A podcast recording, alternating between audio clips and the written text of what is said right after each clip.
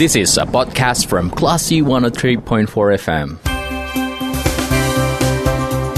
Bicara melawan Corona bersama Classy FM.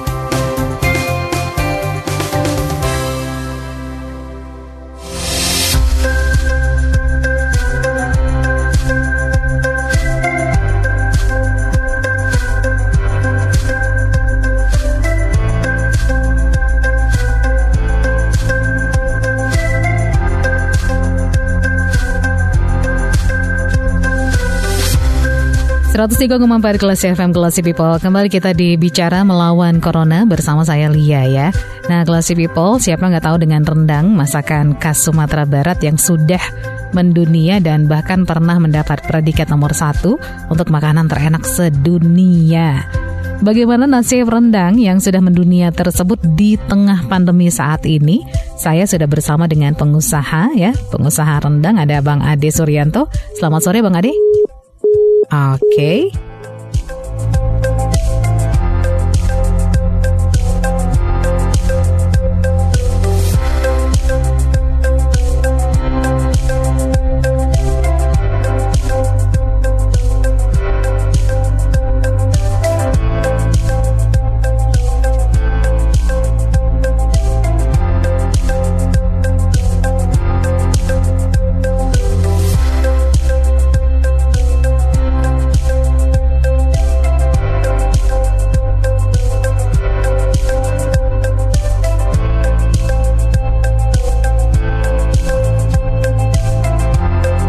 Oke. Okay. Baik Classy People kita sudah terhubung kembali dengan Bang Ade Suryanto seorang pengusaha rendang Selamat sore Bang Ade Selamat sore Mbak Lia Apa kabar?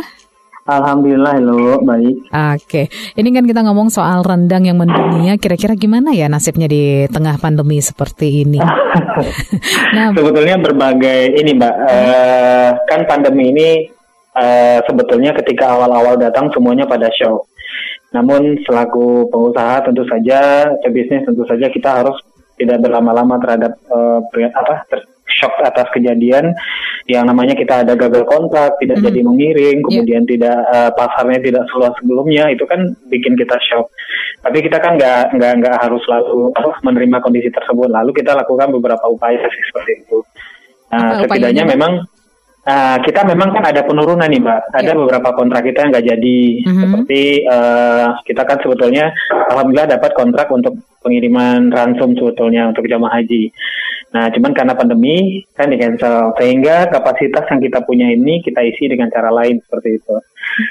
Salah satu caranya adalah dengan misalnya uh, kita kan punya dapur nih, kapasitas dapur kita misalnya uh, kalau hari-hari biasa kita masak 60 kilo per hari ini misal ya. Yeah 60 kilo per hari. Nah begitu pandemi kan terjadi penurunan. Mm -hmm. Biasa 60 jadi 30 atau 25 per hari atau bahkan 60 tapi sekali harinya jadi satu kali masak dalam dua hari misalnya. Nah itu kita bisa siasati dengan cara menjual kapasitas dapur kita. Nah kalau strategi sih itu yang dilakukan. jadi sekarang produksinya berapa itu Bang Ade?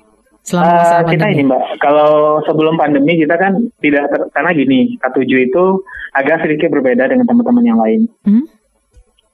Nah kalau di kita di K7 kan lebih banyak mainnya dari bisnis ke bisnis Mbak. Yeah.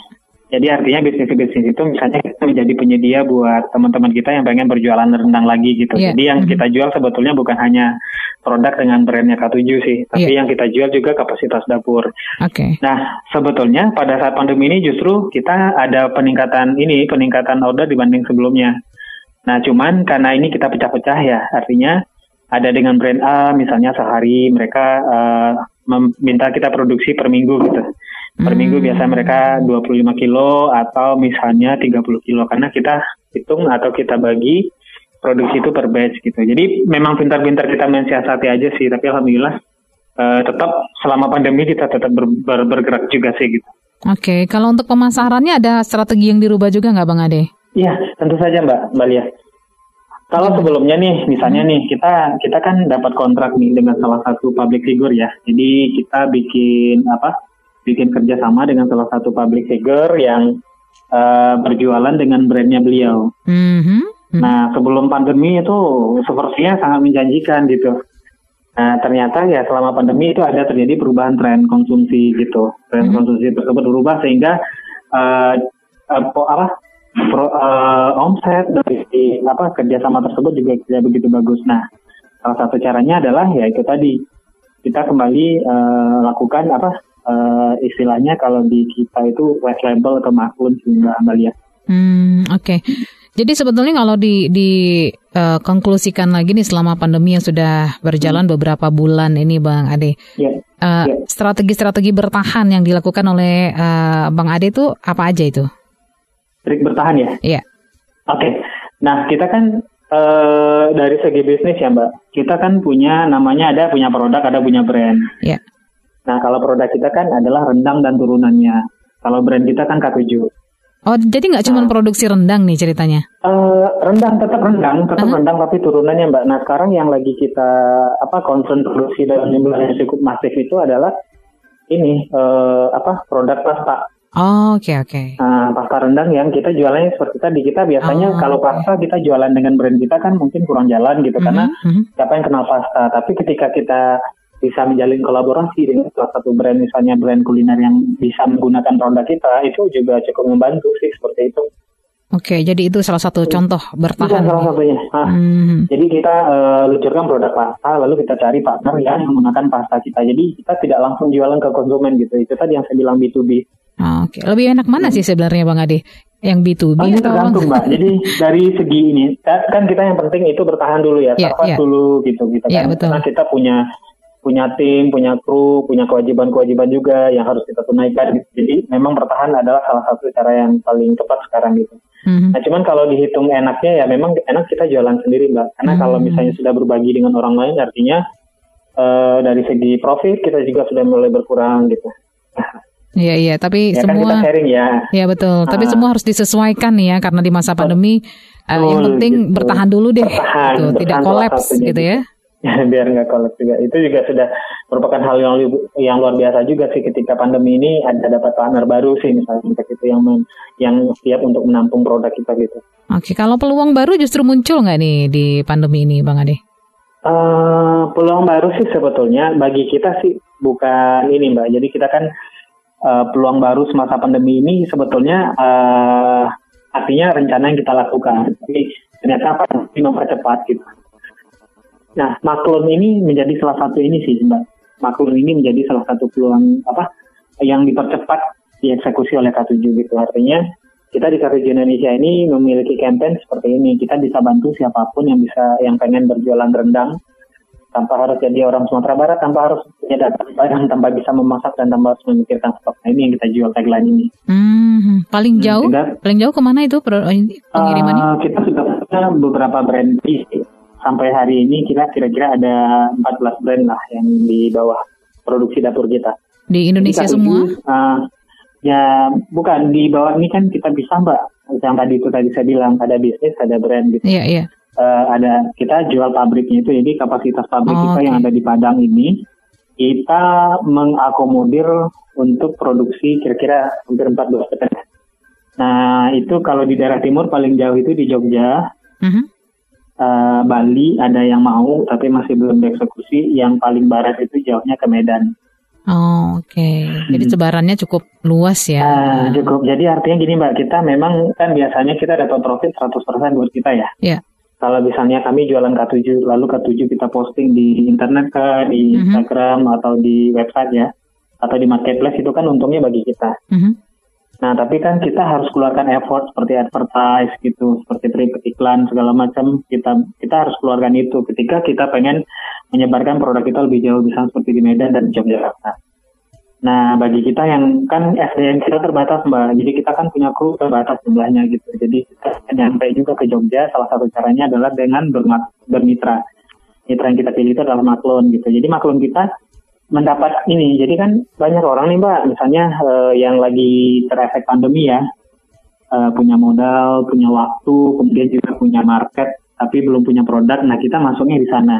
Oke. Okay. Kita dorong dan kita support mereka berjualan rendang, kita bantu mereka proses brandingnya, kemudian brand auditnya segala macam kita bantu sehingga memang mereka uh, sudah siap untuk berjualan. Jadi kita bagi mbak fokusnya kami di K7 atau di di pabrik atau di rumah produksi fokus memproduksi saja, mereka tuh fokus berjualan gitu.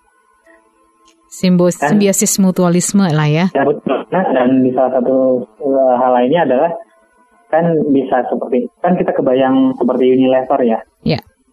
Unilever kan ya mereknya ada Samsung, ada apa segala hmm. macam itu kan bukan Unilever pabrik, tapi dibuat oleh pabriknya sendiri dan didistribusikan sama Unilever. Sederhananya seperti itu, Mbak. Oke, okay, baik.